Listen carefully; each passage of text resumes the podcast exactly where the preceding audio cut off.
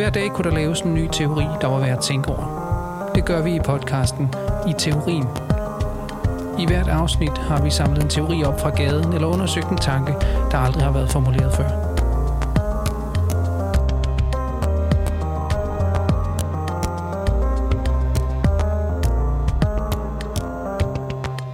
Jamen altså, det, det, dagens afsnit det handler om øh, forskellige former for kriminalitet. Og måske skal jeg bare... Øh, du ser helt langst ud, Henrik. Jamen, det er bare, fordi jeg er træt. okay. Ja, det er Jeg har kun, this is my happy face. Ja, det er også et fint face. Man bliver lidt forvirret. Det er okay. Øh. okay.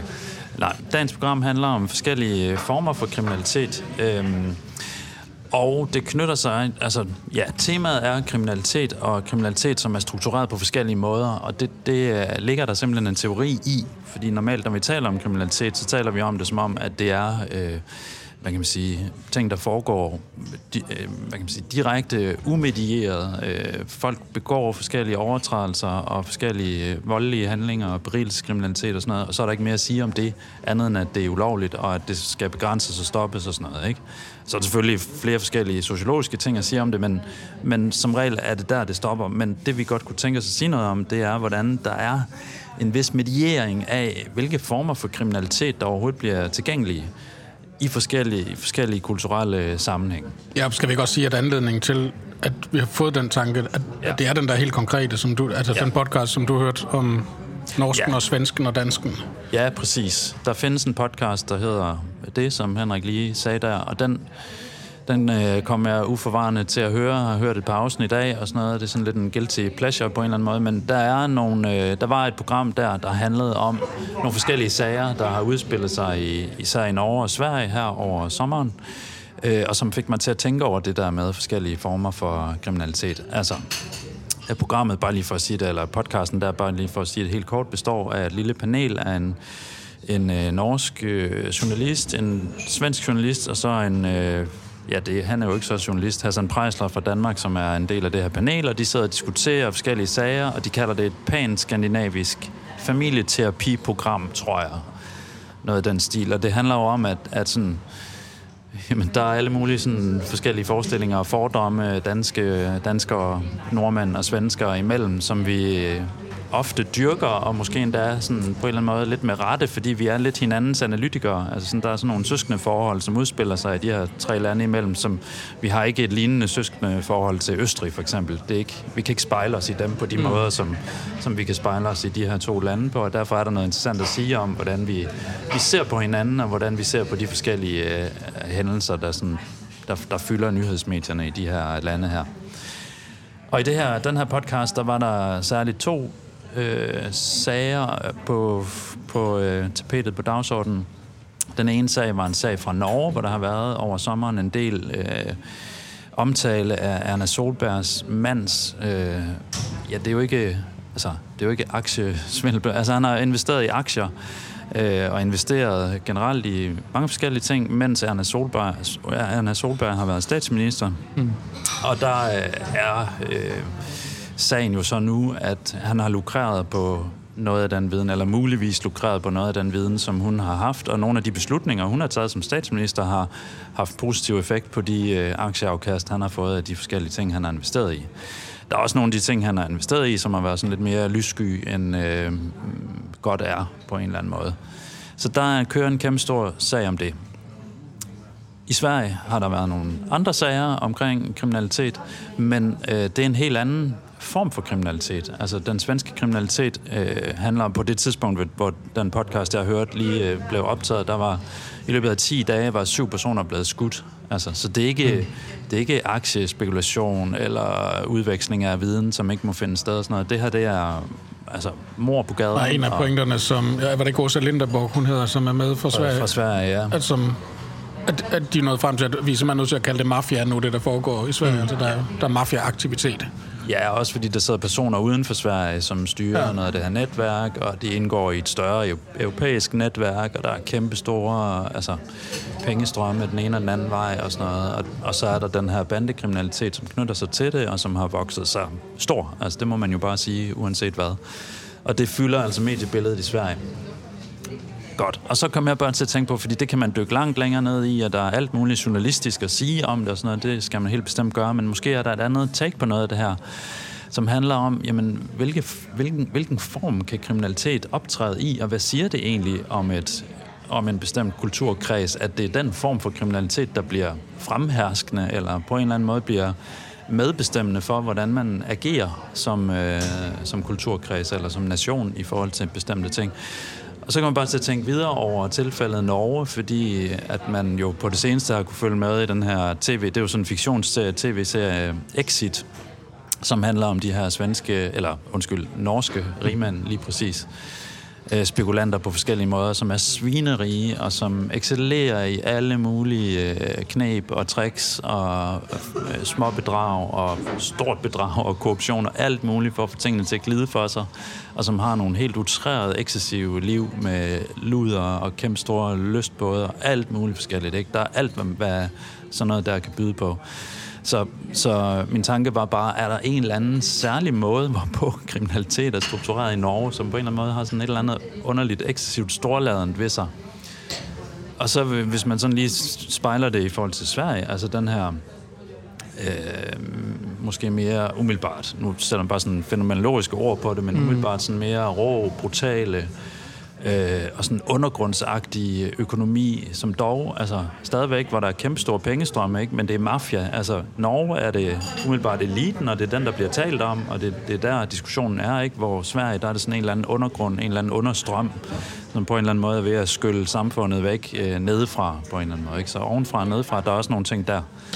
Men må jeg lige sige så... så ja, ja, men, men, men bare lige et forbehold, inden vi går videre. Mm. Altså, at vi, vi taler her om på en måde lidt på klichéens niveau. Altså, fordi der er selvfølgelig klichéer, vi lidt er ude i her. Ikke? Altså, klichéen om, om norsk kriminalitet og klichéen om svensk kriminalitet, og stille de her ting op for hinanden. Det kan hurtigt lyde som nogle, som nogle strømmænd på en eller anden måde, men der er en pointe i at, at angribe det på det her niveau, fordi ja, det er, det er klart, gennem det... nogle forskellige strømmænd, at vi øh, på en eller anden måde kommer til kommer overens med, hvad det er, der mm. foregår, eller diskuterer, hvad der foregår, eller øh, måske er der et niveau her, som betyder mere faktisk, end vi lige umiddelbart tror, for de måder, hvorpå kriminalitet bliver til kriminalitet faktisk. Men netop det, og jeg tror nemlig, og det er derfor, jeg havde bare lige lyst til sådan lige at gå, gå et skridt tilbage for sådan lige at beramme, ja. hvad det er, vi, vi, ja. vi snakker om, inden vi bevæger os alt for langt ind i, i analysen, fordi øhm, det vil jo også sige, at vores, altså, mm, vores overordnede idé er jo også, at Mm, kriminalitet, for det første, det, det sagde du også før, siger noget om, om en kultur. Men at i det ligger der jo så altså også bare den forståelse, eller det greb, at typisk så forholder vi os til kultur som om, at det er sådan nogle ting, som producerer et eller andet. Det du kan sige om Danmark er, at øh, vi har de og de kulturprodukter, og det samme gælder så for alle mulige andre lande. Men eller at, oplevelser, eller tilbud, eller ja. en særlig måde at være på. Sproglige eller konstruktioner. Og, ja, ja. Alt det der, der kan stå humor, i turist. for eksempel. Humor, ja. En bestemt form for humor. En sådan lidt sort humor måske. Eller, det er det.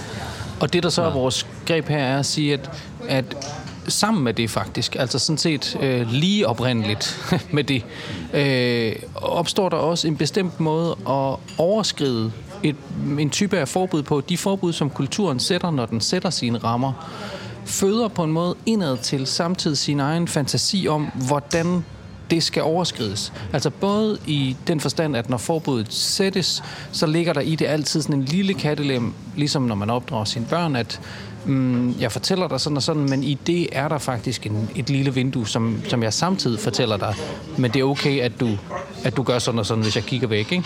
Mm. Øhm, eller at øh, øh, man kan sige, der samtidig også ligger en, der ligger en fantasi om, om øh, hvad en, en radikal transgression er. Hvad vil være det virkelig forbudte at gøre her? Ikke? Eller hvad vil, hvordan ser den virkelig forbudte handling ud på en eller anden måde? Så det, ja, vil sige, det ses sam- gennem vinduet af en bestemt ramme for altså en bestemt øh, måde at forholde sig til loven på. Ikke? Ja, præcis. Altså, i, og lige præcis ud af det vindue står man så og kigger og siger, wow, men derude, der er et eller andet, jeg kan få fingre i der, ikke? Og det, det, og det er jo så det, på fantasiens niveau, altså det er strukturelt ja, det er det. forskelligt, det der. Ja. Jo, bare for at gøre det sådan helt banalt eller klart, øh, så kan man måske sige, at i stedet for, bare for at parafrasere det, du sagde, Anders, ikke? Mm. Altså, i stedet for kun at sige, at det, der kendetegner en kultur, det er egensretterne og mm. musikken og øh, de, øh, møbler og design og alt sådan noget, så, mm. så det er det alt sammen også, men så er det også den særlige måde, man overskrider loven på, ja. øh, som er med til at kendetegne ja, en kultur.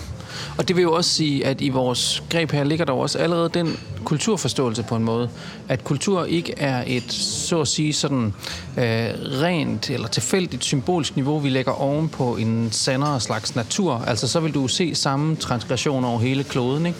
Altså samme måde at begå vold på eller sådan. Og det, den, den stemme findes jo i høj grad også, når man taler om kriminalitet. Altså der er bare nogle impulser i mennesker, og du kan ikke holde os nede, og så kommer lovgivningen, den er kunstig, og lægger vi ovenpå, og det er en samfundspagt, som vi alle sammen går ind på, for at tæmme vores egentlige dyriske øh, behov for at dominere hinanden osv. Ja, Den og så position nogle gange findes... det, og så får ja. vi de her rene øh, udtryk for aggression. Præcis. Eller og for, som, som egentlig er mere sådan sandt menneskeligt udtryk ja. på en måde. Ikke? Og vores, Thomas Hobbes omsat til kulturteori eller sådan noget. Absolut. Ja, noget den stil. Og ja. den der analyse ser man jo meget tit også. Altså, du ser den jo selvfølgelig også meget tit lagt ud i fiktionen, interessant nok. Mm. Altså meget fiktion har faktisk også den struktur, at som om, at her har du virkelig, øh, så er det øh, reptilen, der kommer, eller så er det mm. bæstet, der kommer, eller så er det sådan, nu, nu smider vi kulturens maske, og så viser vi, hvem vi virkelig er. Men vores take er faktisk, eller vores udgangspunkt faktisk er, er på en måde lige præcis det omvendte, at sige, nej, transgressionen kommer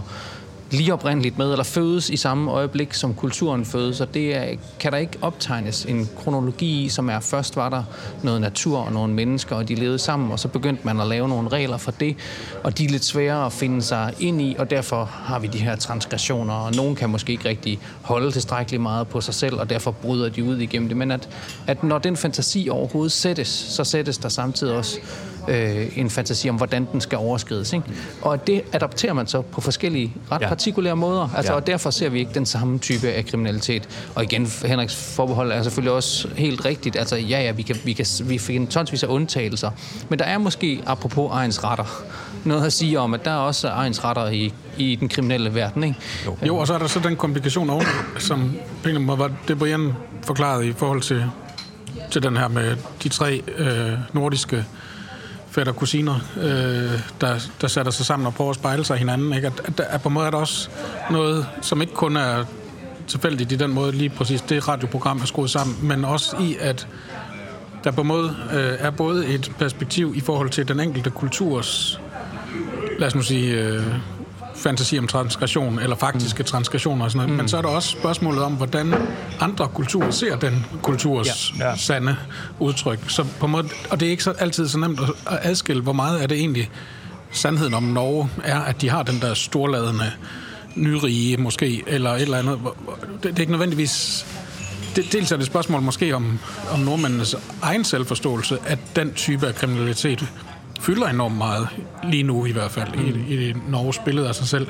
Men det er jo også svært at skille ad fra, hvordan Sverige og Danmark og andre lande ser Norge. Så, så der er nogle, der er sådan en, en særlig, kan man sige, dialektik eller dynamik imellem Ja. For det første, kan man sige, den faktiske kriminalitet, hvis man kan sige det overhovedet ikke. For det andet, den måde, den er struktureret på, i forhold til den kulturs egen uh, ubevidste er uh, perspektiv. Og så for det tredje, den måde, som den ubevidste forestilling selv er struktureret af den ja, måde, præcis. som andre øh, kulturer Ja, der skal man måske altså alligevel slå et lille slag for det der blik udefra på en måde. Ikke? Altså at Norges folkesjæl på en måde kun kan formulere sig en udefra, selvom det virker som en, som en næsten sådan øh, vanvittig øh, spekulation, at det skulle være muligt at kunne gøre det på den måde. Altså kunne, simpelthen kunne se det udefra. øh, jeg, jeg taler ind over... Øh, jeg taler bare videre ind over en tale, der gerne vil sige noget andet. Men øh, der findes sådan en pointe, som vi, øh, som vi nogle gange har refereret til fra en, en øh, religionshistoriker, tror jeg, der hedder Mark Sedgwick, ja. som på et tidspunkt i det, det var egentlig sådan en lille useriøst interview i en uniavis eller sådan et eller andet, hvor han sagde noget om, øh, hvad han som øh, eksternt, altså som en, en lektor ansat fra udlandet i en, på en dansk øh, uddannelsesinstitution, hvad han sådan gik og tænkte over i forhold til dansk kultur og sådan noget. Og så sagde han, at øh, han havde sådan en lille teori om, at når man besøgte et land, så ville der altid være en excess af et eller andet. Altså et eller andet, der var for meget af et eller andet, ja. som man ikke sådan lige umiddelbart kunne sige, hvad, hvad, hvor, altså man kan ikke lave sådan en forklaring af, hvorfor det er der. Altså så i, i øh, hvad er det? Hvad, var det, han sagde? I et eller andet sted i Spanien? I Spanien er der for mange banker, for mange og banker. i Norge i øvrigt er der for mange frisører. Ja, det var rigtigt. Og, så og i Ægypten er der for mange skobutikker, tror jeg nok, så vidt jeg husker. Ja, det er sådan, det var. Så han spekulerede over, hvad det var, der var for mange af i Danmark, og det var så thai han, mm. han mente, der var for mange af. Og det er sådan, på en måde er det ikke en, en kan man sige, korrekt analyse, garanteret. Altså, der er ikke, hvis du tæller op, eller hvis du måler mm. på det, kan det sagtens være, at der er andre lande, hvor der er flere, men, men der er en eller anden idé om, tror jeg, at man gennem sådan en analyse, der kan ramme et eller andet niveau af et, sådan et, et nydelsesoverdrev. Ja, fordi et... i de andre lande, hvor der muligvis faktuelt er flere, er det stadigvæk ikke en excess, og det er det, der er forskellen, ikke? Ja, Nej, det kunne jo også godt være, at der ligger utrolig mange frisører lige mellem hotellet og foredragssalen, der hvor han har været i Norge eller et eller andet. Men, men der kan godt være en sandhed i det alligevel. Ja, altså, jo, og hvornår, det så siger noget. Ja, og hvornår er den sand, ikke? Altså, men, men i hvert fald, det... Øh, det greb at sige, at man faktisk på en eller anden måde kan, kan se eller kan formulere en bestemt excess i en kultur. At det, at det skal kunne lade sig gøre på en eller anden måde, og at det med nødvendigvis er en slags intervention udefra. Om ikke andet så en, en tale i den kultur selv, som på en måde kommer udefra, fra en, hvad ved jeg, en kunstner, eller et eller andet, der har set en vinkel, eller der ser noget fra en vinkel, som man ikke normalt ville okkupere. Det er derfra, man kan se, at der er et eller andet her, som, øh, som, som brænder på. Ja, så kan vi måske også tilføje, at så, ligesom Sætsvik, der sagde, jeg har tænkt over, hvad der er for meget af i Danmark, så kan man også sige, vi har jo også tænkt lidt over, hvad der så er for en slags kriminalitet i Danmark, efter ja, ja, men det der det, var der, den der, der diskussion om Sverige og Norge, som vi har nævnt. Ikke? Men, og der var også lidt en antydning i, i programmet der, men det var måske ikke så meget udfoldet, slet ikke som de to andre. Men det, vi har tænkt lidt over, det er måske, at det, det som kendetegner igen i den der stereotypiserede, øh, klichéagtige måde at udlægge en national karakter på, så måske det, der kendetegner den danske kriminalitet i modsætning til den storladende, nyrige, norske, øh, sådan lidt vulgære øh, måde at, at lave billeder og tjene penge på, og den svenske sådan mere undergrundskriminalitet, øh, kriminalitet, så er den danske måske mere kendetegnet ved at være den der de, de sager, vi har haft, det er sådan nogen som Stein sagen eller som øh, øh, den berømte sag om Brita i Socialministeriet, der, mm der scorede en masse penge, eller udbytteskandalerne i skat og sådan noget, eller Danske Banks hvidvasksager og sådan noget.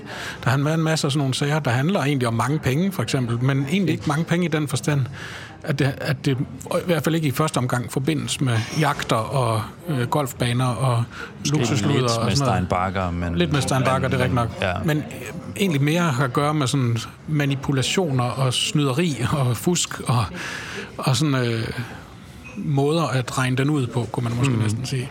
Ja. Og så hvad er det så for en national... Og der, der rammer vi måske så en grænse for, hvor meget vi kan se det netop i forhold til, du siger, Brian, ikke? Altså, hvor meget kan vi egentlig selv se ja. det billede af os selv. Øh, ja. Og derfor det, giver det mening at have de der samtaler med sine fædre og kusiner, ikke? Men altså... Jo, jo, fordi der er et eller andet med, at når du bliver ramt af sådan en kliché-analyse, som er på en sådan, måde sådan en vild analyse, når man i Norge, der er i sådan nogle storladende nogen, der laver... Altså, store penge og opfører vildt og voldsomt, når det, når det byder sig til. Og sådan noget. Så der, det er bare et eller andet med, at, at den når, når man har ramt det niveau, så er man nødt til at, at analysere videre på det, eller det genererer et eller andet, ikke? Det, det, det genererer en tanke om, hvad fanden er det egentlig? Hvorfor er det, at det er sådan?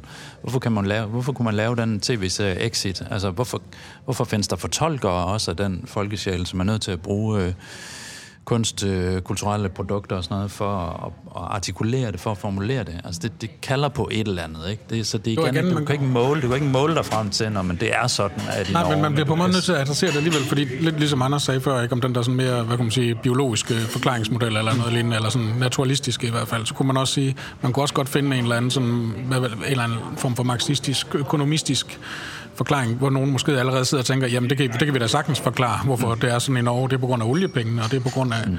en overflod af rigdom, som har ført til sådan og sådan. Ikke? Altså det kan man lave en, en fuldstændig økonomisk analyse af, uden at have brug for Freud eller Lacan eller noget som helst. Øh, og mens i Sverige er der et, et eller andet med at sige om sociale strukturer og øh, minoritetsmiljøer og indvandrerbander og alt sådan noget, som også kan forklares dels med økonomi, men også med et eller andet sådan relativt jordnært øh, sociologisk perspektiv. Ja. Ja, den, ja, den øh, forklaring kan man jo sagtens lave, ikke? Altså, eller sagtens, den, den kan i hvert fald, den har en vis øh, øh udsigelseskraft, eller en vis forklaringskraft i forhold til det, der, der, der foregår, det som kan beskrives. Men alligevel er der et eller andet, som, som består i det der. Altså der er et eller andet, som, noget af det, som Anders havde fat i fra begyndelsen, altså det der med, at, hvordan er det overskridelsen af loven er struktureret? Hvordan er det, at det på en eller anden måde kan reproducere sig, eller kan gentage sig, eller hvordan er det, at det på en eller anden måde er en, en strukturerende fantasi, selvom vi ikke nødvendigvis er helt bevidste om den på en eller anden måde. Ikke? Det er jo det, der er, der er det fascinerende i det et eller andet sted.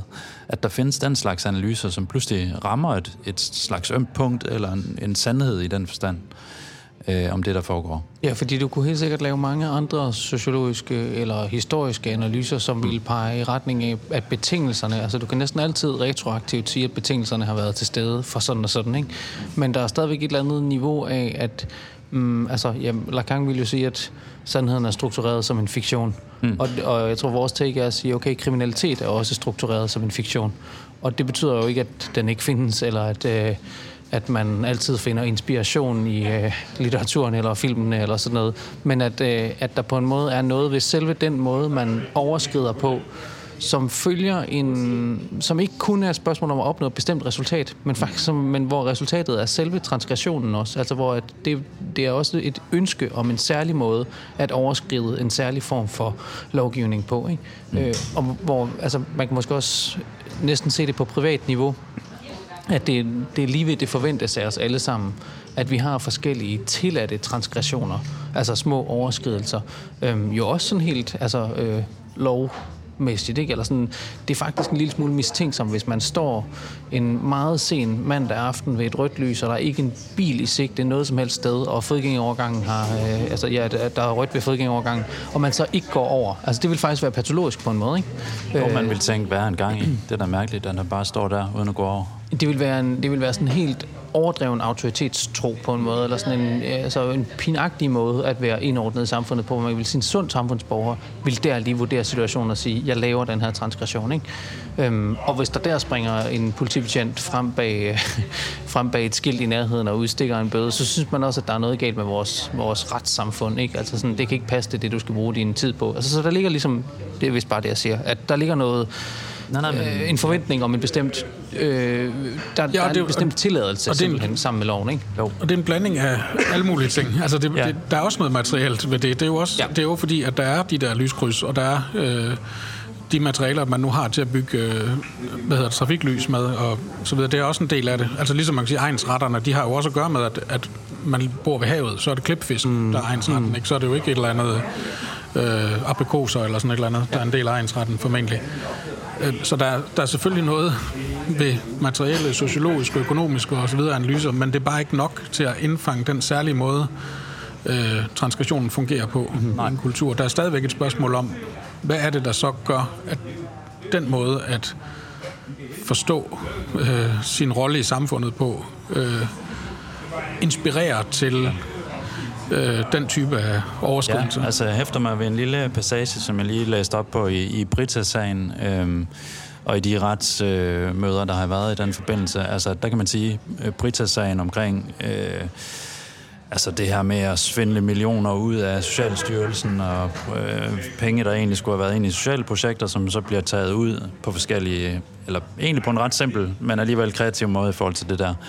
Øh, der, der kan man sige, at betingelserne er der sådan set. Altså, og der, man kan jo lave en analyse af, hvad er betingelserne, og hvorfor har der ikke været nogen mekanismer, der gjorde, og er der tilstrækkelig kontrol osv. Det har det så ikke været. Og så siger Britta på et tidspunkt, jamen, altså egentlig, jeg havde faktisk ikke, altså jeg havde egentlig ikke lyst til at gøre det, eller jeg, jeg ville egentlig gerne stoppe med at gøre det. Mm. Altså at tage de der millioner ud, men det var bare for nemt. Ja. Man kan også vælge at sige, man kan også omformulere at sige, at det var ret nemt at gøre det.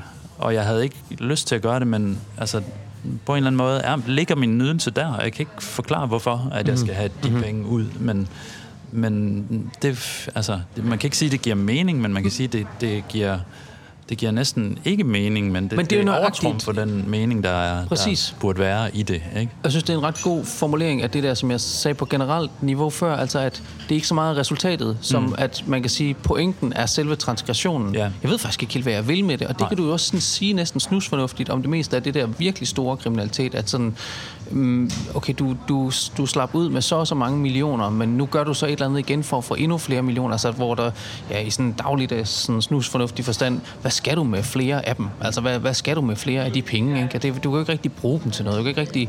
Nej, men det er selve transgressionen. Det er selve det at lave den overskridelse. Og alle, alle øh, sådan noget øh, kriminalfiktion har jo også altid... Altså, det er altid det sidste job, de skal... Jamen, der er lige one last job, ikke? og det skal så være the big score, så kan de gå på pension. Men selvfølgelig har de fat i, at den der, den, hele den struktur jo handler om, hvordan man er nødt til hele tiden at vende tilbage til, nej, for min nydelse var ikke at have de der penge, jeg ved slet ikke, hvad jeg vil bruge dem til. Min nydelse var det at kunne finde en, en vej at være et subjekt i en ellers måske besnærende struktur på en eller anden måde, fordi fantasien planter sig i mig om, hvad det er for en transgression, jeg skal have. Ikke ja. bare, at det er besnærende at være inden for loven, fordi det... Det er jo, på måde, det er jo, det er jo den gamle øh, Paulus pointe på en måde, ikke? Ja. Altså, at det, det er forbud, der skaber begæret. Mm. Altså, at transgressionen kommer ikke ud af det blå, og den kommer ikke en, ud af en eller anden øh, universel, eller er historisk, eller biologisk, eller fra savannen, eller et eller andet mm. menneskelig natur. Men den kommer af den måde, et specifikt forbud bliver artikuleret på, mm. øh, som det vi ikke forventer, at du gør her, eller ja. det, som enten siger sig selv, eller som vi eksplicit gør opmærksom på, eller sådan noget, sådan gør man altså ikke her. Så bliver det interessant, hvordan man kan undgå at gøre det, kunne man næsten sige.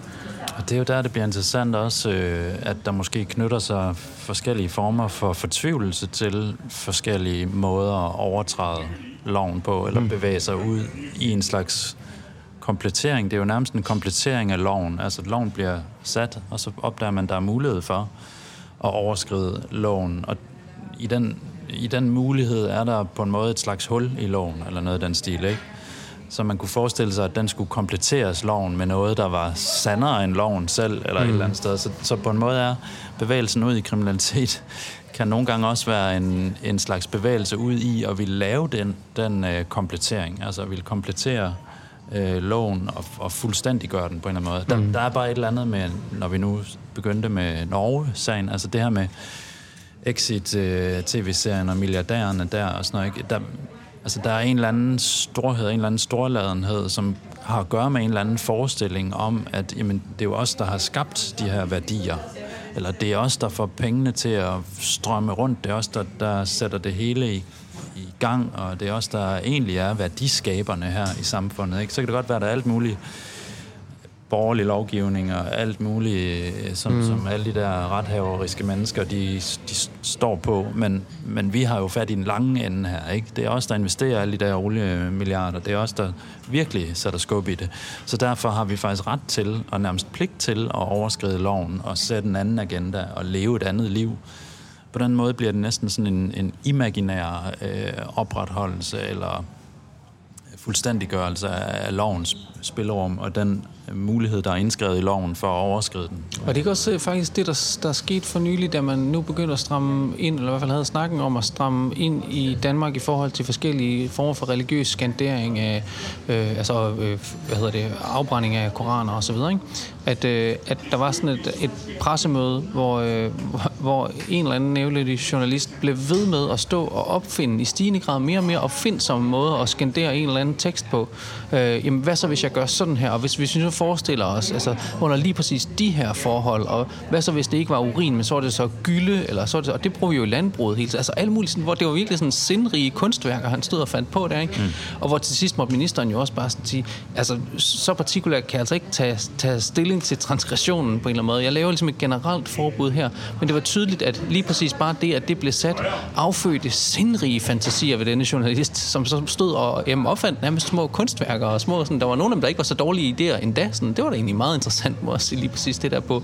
Men mm. derfor kommer der også til at være, i transgressionen kommer man til at sige noget, selvfølgelig om lovens logik, men også om, hvad det er for en fantasi, den så, den så på en måde baglæns føder, som er noget andet end bare, jeg vil have lov til at have min frihed, sådan som det er sådan lidt banalt ja. øh, sydamerikansk måske ville kunne formuleres. Ikke? Altså, at, at sådan, jamen, det er bare, du skal ikke tage min personlige frihed fra mig, hvis jeg har lyst til at, at urinere på det her, den her bog, kan... så gør jeg bare det. Ikke? Men, men mm. det, det, det, er slet ikke det, der er, det er, slet ikke det, der er finten. Altså finten er, at, at for det første, som Henrik siger i forhold til Paulus, den lyst opstår først, når forbuddet kommer, mm. men, men transgressionen kommer ikke kun til at handle om forbuddet, den kommer faktisk til at handle om en fantasi, som også bevæger sig indad, altså ja. som viser noget meget mere udfoldet om en indre subjektivitet på en måde, som pludselig trækker tråd i alle mulige andre retninger. Hvorfor i verden skal du have det der niveau med i transgressionen? Det har faktisk ingenting at gøre med selve forbuddet. Det har noget at gøre med noget helt andet, ikke? Ja, det tror jeg er meget rigtigt. Altså det, det, det giver jo associationer til benspænds logikken og sådan noget. Ikke? Ja. Altså det der med, at du opererer kunstnerisk øh, på baggrund af benspænd, og ja. det, altså, der findes ikke den der fuldstændig, nu strømmer det bare ud af mig, nu strømmer den rene inspiration ud, og den er fantastisk og fabulerende og skabende på alle mulige krøllede måder. Nej, der er altid et eller andet, hvad kan man sige, startskelet nærmest, mm. der hedder sådan noget med, at du må ikke gøre det der, du må ikke gøre det der, og du må ikke gøre det der, du skal gøre det der, eller et eller andet. Mm. Okay, så kan man komme i gang mm. med at lave noget, og det, det er lidt den dialektik, vi på en måde, på en måde hænger lidt fast i, hvis man kan sige det sådan, med koranafbrændinger og hele den polemik, der har været Ja, og der er også noget i forhold til det, nu, du sagde om det imaginære og sådan det norske selvbillede og sådan For det første kan man jo sige, at, at, at altså igen med alle de kulturelle ja, fordomme, ja. som vi så kan spejle øh, nordmændene i, ikke? men altså, der er også noget, der er også den der, man kan sige, nogle gange sådan lidt voldsomme norske nationalromantik, ikke? og selv, selvbilledet af at være sådan nogle helt særlige mennesker med apropos egensretter og øh, nationaldag og, og håndboldhold og alt muligt, hvad der nu er. Øh, ski, øh, langrendsløber og mm. dragter og alt det der. Ikke? Øhm, men også, at, at øh, der er noget i den imaginære, som også har, hvis man knytter det an til, til koranafbrændingerne, altså så kunne man også sige, der er også nogle typer af overskridelser og, og eksplicit forbrydelser, som også kan have noget idealistisk ved sig. Jeg tænker, ja. den norske filosof Lars Svendsen, jeg tror nok, det var ham, der talte om sådan en idealistisk ondskab, som en måde, han delte ondskab op i forskellige kategorier. Og den idealistiske ondskab, det er, når man gør noget, der egentlig er ondt, men for at opnå noget, som man betragter som et større gode, for at mm. sige det sådan lidt simpelt. Og der kunne man måske også sige, at der er nogle typer af forbrydelser, der også er imaginære i den forstand, at de tager udgangspunkt. Det kan godt være, at jeg nu overskrider loven, eller gør noget, der egentlig strengt taget egentlig ikke er i orden. Men jeg gør det, fordi at der er noget galt med loven. Altså, eller at jeg har Klar. fortjent det, eller jeg, har, jeg bør have ret til det, og der er nogen, der holder mig nede og sådan noget. Og det ligger der jo også i hele den der Koran-diskussion, ikke? Altså, der er fandme ikke nogen, hverken staten eller nogen med en bestemt religiøs overbevisning eller et eller andet, der skal holde mig tilbage for at gøre lige mm. præcis, hvad der falder mig ind. Så mm. jo mere nogen fortæller mig, at jeg ikke vil det, jo mere bliver jeg overbevist om, at det må være rigtigt også, at jeg øh, gør lige præcis det, som de ikke vil have, at jeg gør. Men kan man kalde det så de typer her for sådan en form for imaginær kriminalitet? Nu er det måske lidt pudsigt at kalde, eller sådan at sammenligne øh, hvad kan man sige, finansiel spekulation med ytringsfriheds... Øh, debatter på den måde, men alligevel, altså der er sådan en imaginær... for der er et selvbillede af, ja, at jeg ja, gør det her, ja, fordi at jeg har ret til det, eller ja, jeg har fortjent det, eller jeg, jeg ja, bør gøre det. Mm. Ja, ja, og så, altså det imaginære har jo ligesom spejlstatet som sin logik. Altså, mm. Som du siger, der er et selvbillede af, at når vi kigger ind i spejlet og ser på, hvem vi øh, bør være på mm. en eller anden måde, ikke, så bør det være sådan, at det her det er muligt. Ja. Og at det her det er, er anerkendt og sådan noget. Ikke? Så er der nogen, der spænder ben for det, så vi kan ikke rigtig blive os selv, og derfor er der på den her side af spejlet, altså på den fysiske af kød og blod, der er vi sådan lidt øh, utilpasset og øh, kan ikke rigtig være i os selv, og sådan, men vi spejler os i den der forestilling om, at sådan her bør det se ud, ganske mm. enkelt, ikke? Jo, og i modsætning til, hvis vi så sætter op over for det svenske billede, som du tegnede før, ja. altså, ja.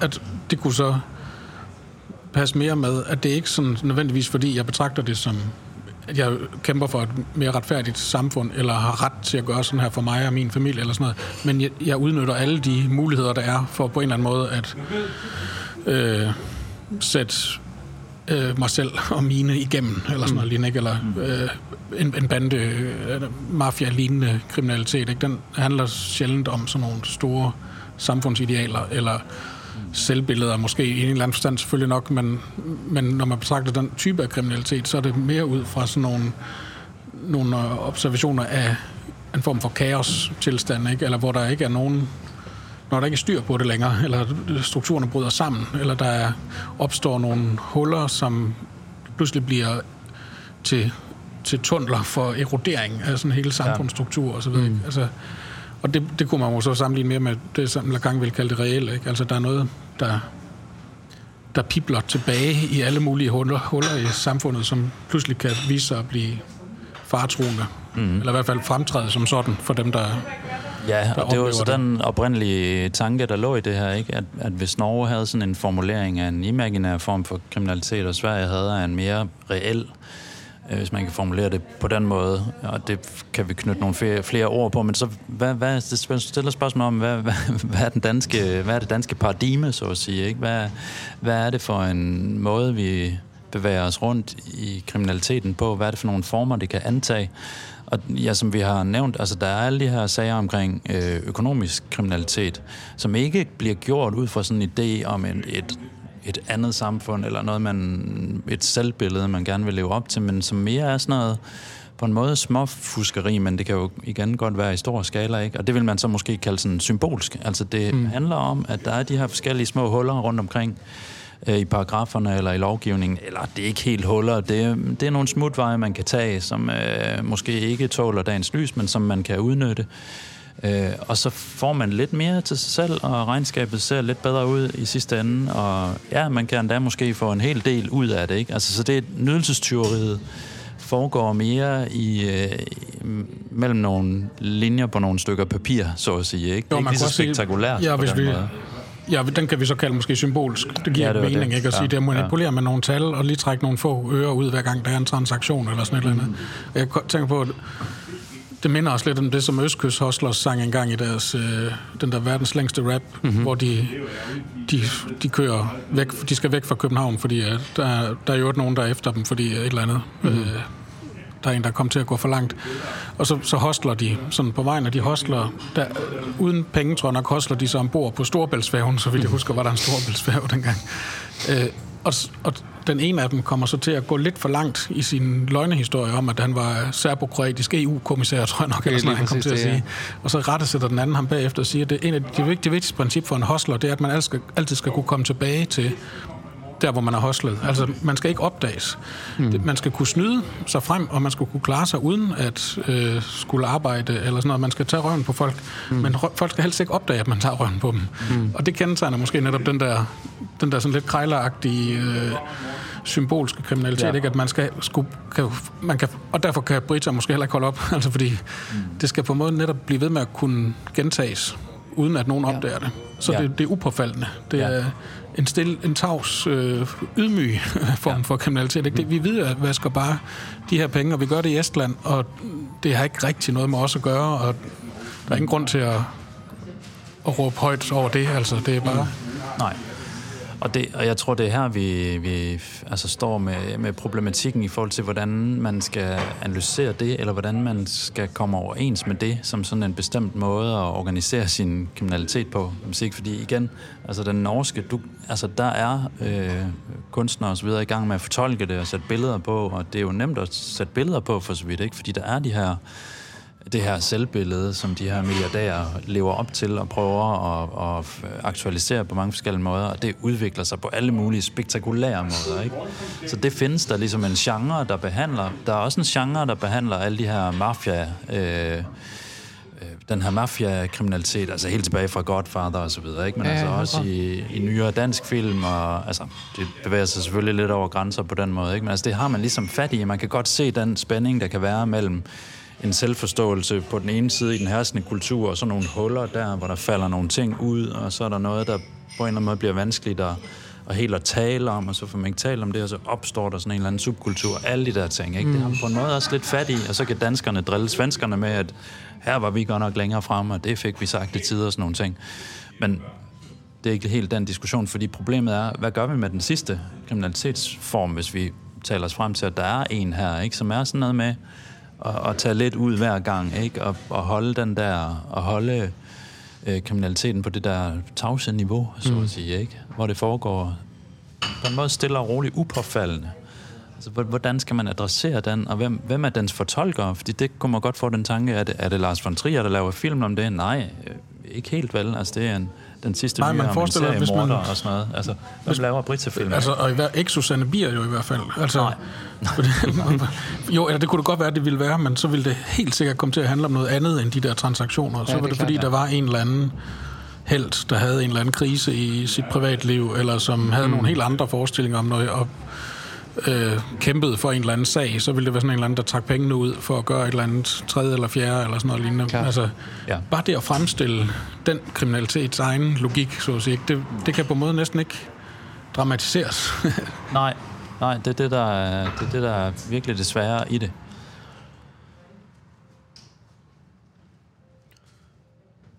Men det lugter også af en slags... En ret, det er en ret neurotisk kriminalform, ikke? Og med det... Altså, bety, det, eller jeg tror, det jeg mener med det er, at det også... Mm, det er også fjernet fra mm, niveauet for, hvad det gør i verden, og meget mere et spørgsmål om, hvordan det for subjektet opleves. Altså det foregår på fantasiens niveau, så at sige. Ikke? Øhm, og i virkeligheden tror jeg faktisk, at der for mange, at den der type af kriminalitet, Mm, hvis man kunne finde en måde at lave den transgression på, uden dens effekt, altså uden at det er reelt sådan, at du egentlig ville stjæle de der ting ude i verden, så tror jeg, det ville være lige så godt. Altså det ville, det ville, det ville man føle den samme type af nydelse ved, ikke? Altså som hvis der havde været en type af spil, nærmest. Mm. Øhm, og, er det, okay, og så alligevel, er det ikke på en måde det, som Olsenbanden er faktisk? Altså, mm. er det ikke på en måde sådan en slags imaginær fremstilling af den der symbolske kriminalitet, ikke? Altså, det er hele tiden nogle små fuskere. De er jo bare sådan nogle, nogen, der hele tiden er på udkig efter den lille fidus, der gør, at hvis de kunne lave sådan et træk ind i Socialministeriet, så havde de jo, Jo. helt sikkert gjort det. Men de kan bare ikke lade være med at gøre det spektakulært. Eller ja. det, det kunne Balling og Bas ikke lade være med. Nej, altså, nej. der skulle alle de her nationale og sociale og kulturelle og så videre forestillinger og idéer og arketyper og jokes og øh, så videre, det skulle med ind. Og det gjorde det så levende og spændende. Ikke? Men det var jo egentlig på en måde det der øh, petty crimes, kan man næsten sige. Ikke? Altså, jo. Jo, Hvordan kan vi narre nogle penge ud af nogen? Men så kan man måske også sige, at det, som så også kendetegner for eksempel Olsenbanden, det er jo også, at de, det vigtigste for dem, det er jo at få gennemført deres forbrydelse uden at blive afsløret, eller uden at blive opdaget, og det lykkes aldrig. De fejler hele tiden. Før til allersidst, så stikker de sig af med alle pengene og sådan noget. Men, og, og derfor er det jo også den sige, fantasi, som strukturerer den fortælling. Det er jo i virkeligheden det der at kunne lykkes med ikke at blive afsløret. Og det trods en masse fejltrin hen imod ikke at blive afsløret. Mærkeligt nok, selvom de bliver afsløret den ene gang efter den anden hele deres liv, så lykkes det til sidst ikke at blive afsløret faktisk. Men så kunne man måske faktisk sige, at, at det der kendetegner den, den der symbolske, talmanipulerende, forsigtige, tavse øh, type af kriminalitet, det er netop er, at den først og fremmest handler om at foregå i det skjulte. Øh, og, og vi var lidt inde på, at det måske var neurotikernes måde at forholde sig til kriminaliteten på. Ikke? Altså, og, og netop i den forstand, at det er det, der ikke må komme frem i lyset. Det er det, der ikke Ja. må blive set. Det, som jeg skammer mig over også i virkeligheden måske ikke, og, og som de andre ikke må få fat i. Mens man kunne sige, nu, nu bliver det virkelig fortegnet, ikke? nu kalder vi det så den norske, Jo, jo. den norske type af kriminalitet. Den, den handler på en måde næsten om at være så stor, at, og så stærk og så selvberoende, eller selvsikker også i mm. virkeligheden, ikke? at selvom man bliver afsløret, altså det der, som Hassan Preisler sagde i den der diskussion, at det, det er mærkeligt, at Anna Solberg ikke er trådt tilbage. Det ville hun have gjort i Danmark. Altså, og det, og det kan man selvfølgelig ikke sige, om det passer lige på den der sag, men, men man kunne godt sige, at det, der passer på den der type af imaginær kriminalitet, hvis vi kalder den det, det er på en måde, at man kan tåle selv det at blive afsløret. Altså der vil... Ja, Donald Trump er jo sådan en, der også satser på, kan man sige, ja, at det det, kan lade sig gøre at godt være så eksempel. stor, at selvom de kommer efter ham, og selvom de dømmer ham, altså så regner han med, alligevel at han kan blive så stor, at han måske bliver præsident, og så dermed kan... Donald Trumps ja. kriminalitet er en norsk kriminalitet, kan man godt Ja, det sige. kunne man godt kalde den så.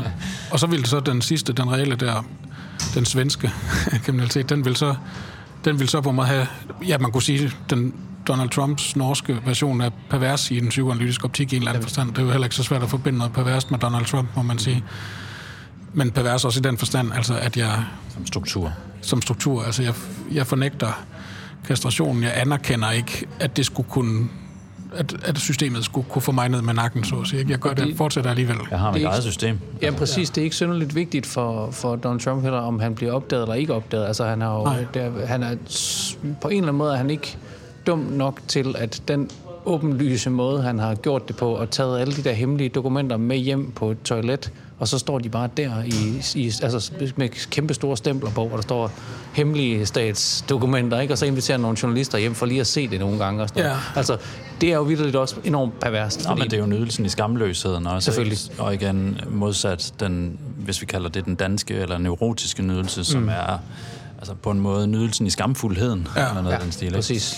Ja, det, er- den, den, den type af kriminalitet ville sidde derhjemme med dem, og kun selv læse dem nogle gange, ja. og, og have dem låst inde et, et sted for ikke at blive opdaget. Ikke? Ja, og hem, på den måde have sin egen private nydelse, altså struktureret omkring de her. Ja, nøjagtigt. Ja. Og så kunne man så sige, at den sidste, den reelle, det vil så være på mere, måde sådan mere psyk, kan man sige, struktur. Altså, at så, så i forhold til at blive afsløret eller opdaget der, så vil, pro- så vil holdningen, eller hvad kan man sige, den, den sådan, det, og som man forestiller det, så som for sådan virkelig hardcore, og vi kender det fra filmatisering og fiktion og sådan noget, om mafia-lignende ak- aktiviteter, ikke? der handler det jo netop om, at det gør ikke nogen forskel, at man bliver opdaget, ikke fordi man er for stor eller sådan noget, men fordi det ligger åbent fremme. Altså, mm. jeg ved udmærket godt, at du ved, hvad jeg laver, mm. øh, men du vil jo ikke have, at dine børn skal komme noget til, eller jeg håber da, at øh, I alligevel fortsat, vil fortsætte med at have den her butik kørende i det her strøg. Det vil vi sørge også gerne have. Og I ved udmærket godt, at hvis ikke I gør det, som vi siger, sådan, altså, mm. så der er ikke noget, der kan afsløres. Det hele er der.